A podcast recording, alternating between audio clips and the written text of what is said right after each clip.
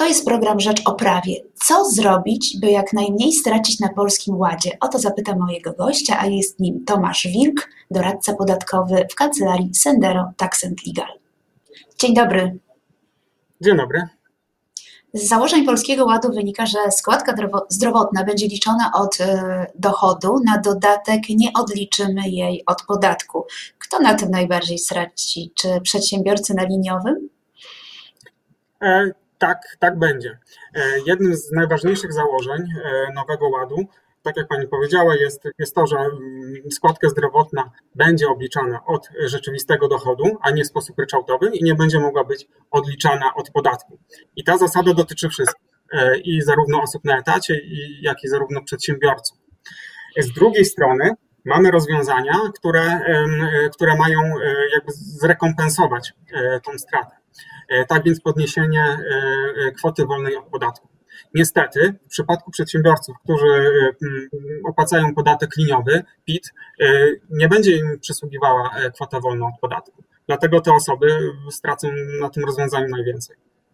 A co zrobić, żeby jak najmniej stracić na Polskim Ładzie? Bo pojawiają się pomysły, żeby na przykład wybrać ryczałt albo założyć spółkę z ograniczoną odpowiedzialnością.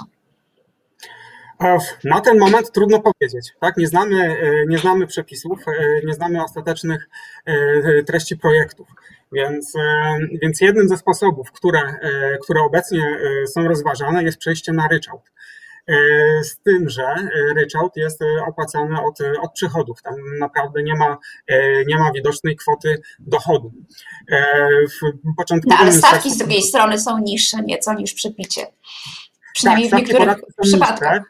To prawda. Wyobraźmy sobie teraz e, osobę, która prowadzi e, sklep, sprzedaje miesięcznie e, towaru za 100 tysięcy złotych, ale czystego zysku ma 10 tysięcy. I gdyby zastosować do tego przychodu stawkę 9%, no to by ta osoba zbankrutowała. Mhm. W, ostatnio Ministerstwo Finansów no, sygnalizuje, że będą wprowadzone jakieś specjalne stawki y, składki zdrowotnej dla ryczałtowców. Nie wiemy, jakie, jakie to będą liczby, więc wszystko się okaże. Niekoniecznie y, będzie możliwe będzie możliwa ucieczka przed, y, przed podwyższonym, podwyższoną składką zdrowotną poprzez przejście na ryczałt. Możemy to jakby no, na ten moment uznać jako wątpliwe. Mhm. Innym sposobem na uniknięcie e, składki zdrowotnej jest, e, jest być może mm, reorganizacja biznesu e, poprzez założenie na przykład spółki ZOO albo spółki komandytowo-akcyjnej.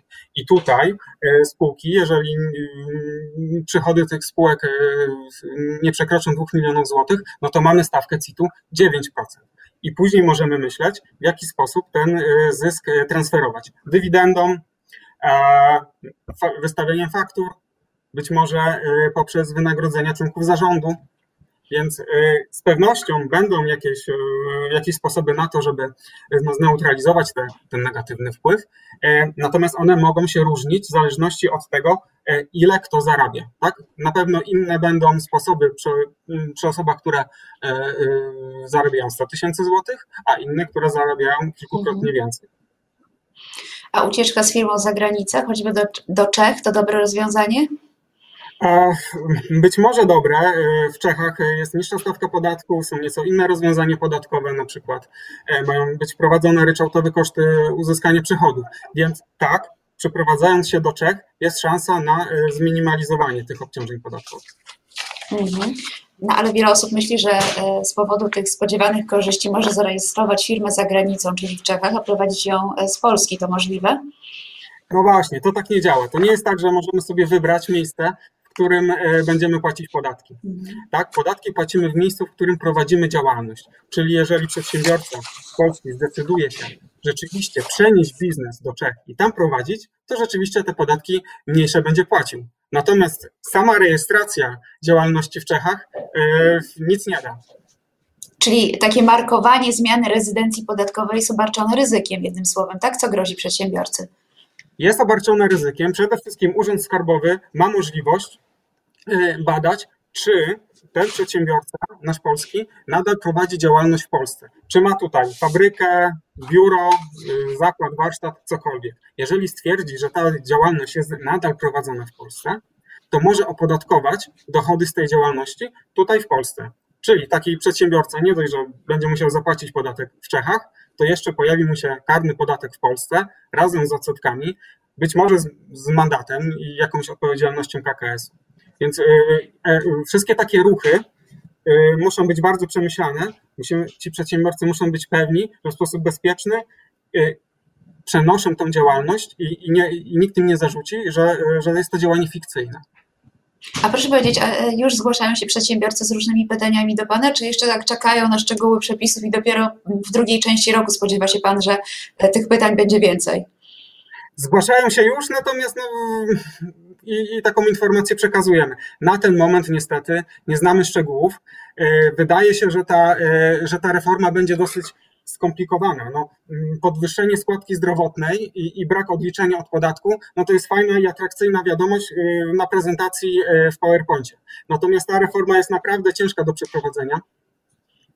I, I dopiero zobaczymy, jak te przepisy będą wyglądać im bardziej skomplikowane przepisy, tym oczywiście więcej luk e, w tych przepisach, z których można skorzystać. Więc, e, więc e, no, mamy jakieś pomysły, ale, ale czy te pomysły będą do zrealizowania, czy będą efektywne, no to nie wiemy na ten moment. Dopiero jak mm-hmm. pokaże się projekt, albo jak, jak pokaże się, jak będziemy mieć ostateczną wersję przepisu, bo tutaj no też zobaczymy, jak, jak to będzie wyglądało w Sejmie i w Senacie. Jakie propozycje mm-hmm. przejdą, a jakie nie. No ale generalnie chyba te zmiany powinny zostać uchwalone wtedy e, i podpisane i opublikowane w Dzienniku Ustaw do 30 listopada, żeby mogły obowiązywać od początku roku. O, niby tak, ale e, ta zasada, o której Pani mówi, dotyczy e, zmian w podatku dochodowym, które są na niekorzyść podatników. Tu tak naprawdę. No, mamy... zapłata składki zdrowotnej to jednak chyba jest na tak, tak niekorzyść. Tak, tak, brak odliczenia, tak? No, no to rzeczywiście powinny być, e, powinny być uchwalone e, do końca listopada. No, miejmy albo może miejmy nadzieję, że to się nie uda. To, to, prawda, chociaż Sejm już pokazał, e, że potrafi szybko pracować. Mm, na koniec już ostatnie zupełnie pytanie. Jak Pan ocenia te propozycje przedstawione w nowym ładzie, w polskim ładzie dotyczące podatków? E, no oczywiście ta, e, ta główna zmiana, o której rozmawialiśmy, e, zakaz odliczania składki zdrowotnej, no może wpłynąć negatywnie na, na biznes, szczególnie na biznes wychodzący z kryzysu po pandemii. E, natomiast są też pozytywne, e, pozytywne aspekty, na przykład podwyższenie e, kwoty wolnej od podatku do 30 tysięcy złotych, no to jest duża zmiana. To było postulowane, od, od wielu lat mówiło się, że w Polsce ta kwota wolna od podatku jest zbyt niska, a dochody cały czas jednak społeczeństwa rosną. Tak samo pozytywne jest jakby zwiększenie progu podatkowego, tak, z 85 do 120 tysięcy złotych. To również odzwierciedla no, wzrost zamożności i wzrost dochodów społeczeństwa. Jest też mowa o, o ulgach. Z zapowiedzi Ministerstwa Finansów wynika, że będzie można jednocześnie korzystać z ulgi B plus R i z ulgi IP Box w oparciu o te same koszty kwalifikowane. Bardzo dobry pomysł. Ma być wprowadzona ulga na robotyzację, która już była zapowiedziana nieco wcześniej.